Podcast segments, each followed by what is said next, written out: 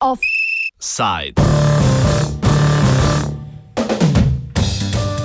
Zapostavljeni veri energije.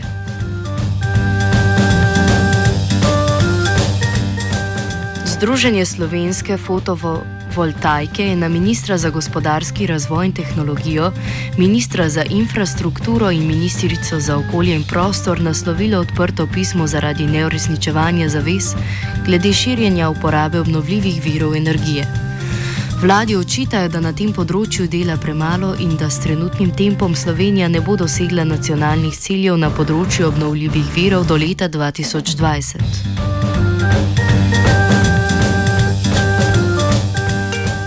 Nacionalni cilji predvidevajo, da bo do leta 2020 25 odstotkov vse energije pridobljene iz obnovljivih virov, v elektroenergetiki pa skoraj 40 odstotkov. Trenutni delež v elektroenergetiki je 33,5 odstotka. Koliko kapacitet bi morali v naslednjih štirih letih še zgraditi, pojasni Primož Tručel, predsednik upravnega odbora Združenja slovenskih fotovoltaikov. Ja, gre za to, da eh, imamo po akcijskem načrtu nalogo, da pač zagotovimo teh 25 odstotkov, vendar jih ne moremo zagotoviti eh, z predvidenimi investicijami doslej, ki, za katere vemo, da bi se naj zgodila, to je eh, izgradnja hidroelektrarne Mokrice in Brežice. Če bosta ti dve hidroelektrarni zgrajeni, potem potrebujemo še dodatnih toliko zmogljivosti, ki bodo proizvedle 700 gigavatnih ur električne energije. Če pa ne bosta zgrajeni, pa rabimo toliko zmogljivosti, da bomo proizvedli 1100 gigavatnih ur električne energije. Vam povem, da danes imamo zgrajenih, aktivno do danes smo postavili 257. In to od leta recimo 2008-2009, ko so začeli graditi. Eh, zdaj bi pa morali v teh bogih postaviti tri do štirikrat toliko, kot imamo doslej, kar je skoraj nemogoče. Da bi spodbudili izgradnjo malih sončnih elektrarn, je bila v Sloveniji vzpostavljena podporna schema, s katero je država zagotavljala višjo odkupno ceno za elektriko, pridobljeno iz obnovljivih virov. Tručal trdi, da je bil ta sistem boljši.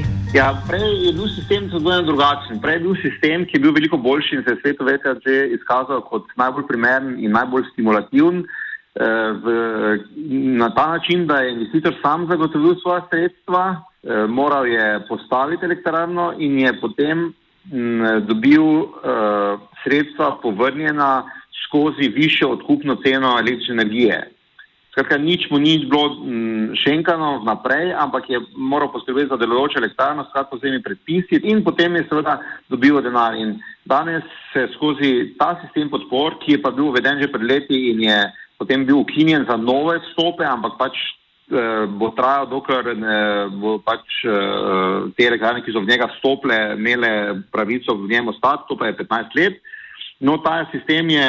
Eh, skozi ta sistem se na leto izplača okrog 150 milijonov evrov uh, tem elektrarnam, ki že delujejo, skratka na sonce, veter, elektriko, za so proizvodnje in tako naprej.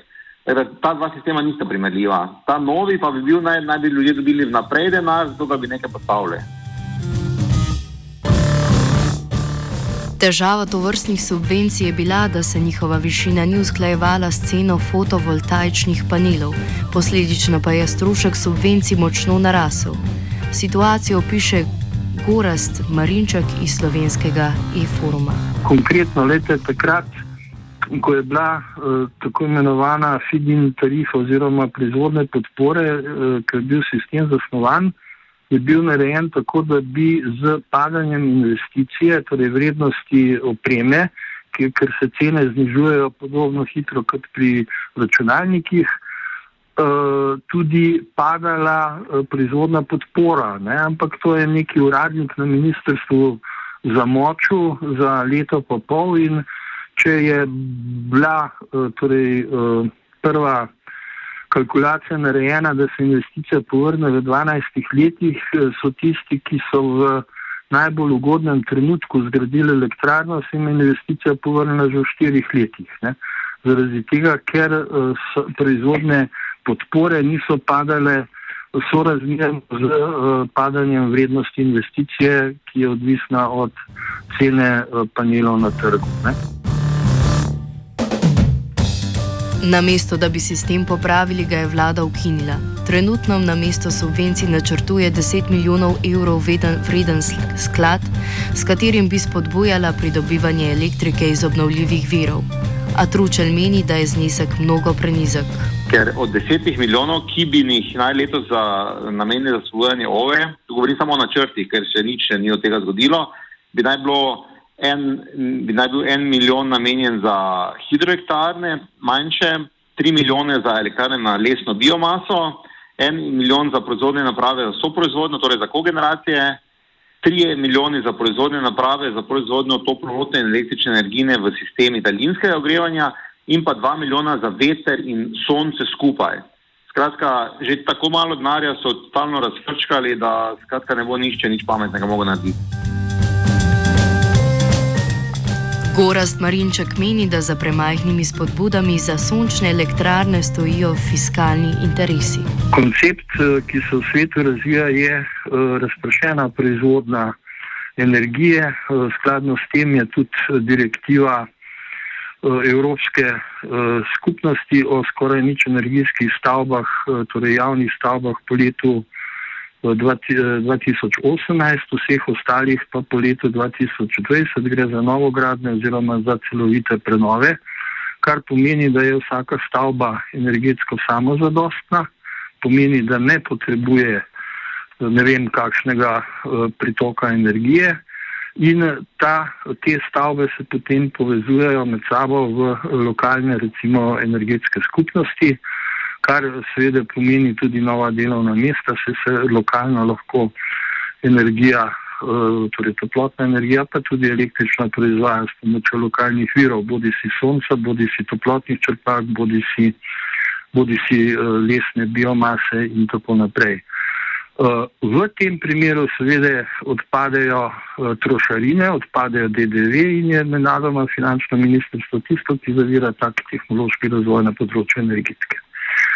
Eh, na področju energetike so seveda notranja nasprotja, ne, zaradi tega, ker odpade omrežnina ne, in eh, se marsikateri lokalni uh, uh, distributer vprašajo, če se bomo pa mi živeli, ne, če bo zdaj vsak mandljic lahko svojo elektriko pa svojo toploto za sebe proizvedel. Skratka, imamo fiskalne in parafiskalne ovire za uh, novo paradigmo, za nov pristop k razvoju energetike v Sloveniji. In eh, recimo ta poziv eh, Združenja za fotovoltaiko Slovenije gre na tanko v to smer. Namerno se ovira eh, koncept razprešene proizvodne, namerno se ovira in upočasnuje razvoj pametnih omrežij, torej omrežij, ki omogočajo uravnavanje porabe na strani porabnika, torej ne samo porabe, ampak tudi proizvodne. Marinček za zaključek poudarja, da se energetske strategije lotevamo iz napačnega konca, saj bi mnogo več pozornosti morali nameniti tudi izboljšanju energetske učinkovitosti. Ta je v Sloveniji močno pod evropskim povprečjem. Torej, moje mnenje je, da se mi torej, izziva energetike v Sloveniji lotevamo z napačnega konca. Namreč Mi porabimo 53 odstotkov uh, energije na enoto družbenega proizvoda več od evropskega poprečja, ki ga recimo dosegata ali pa sta, sta celo pod njim Avstrija in Italija. Ne.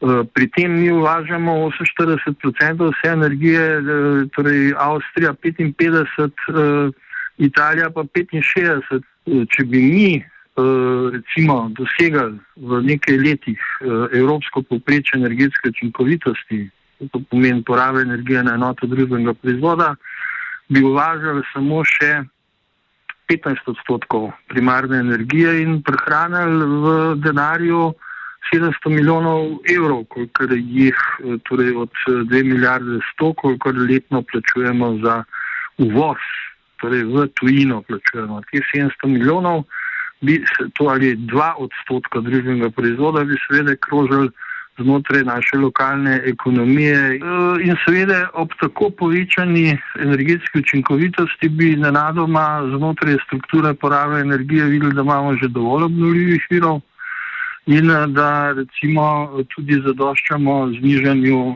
izpustov CO2, odkar pač k čemer smo se zavezali z evropskim energetskim eh, paketom. To pomeni, da leta 2020 imeti 25 odstotkov obnovljivih virov v primarni strukturi, torej v strukturi primarne rabe energije in, in uh, potem seveda znižanja, znižanja izpustov CO2.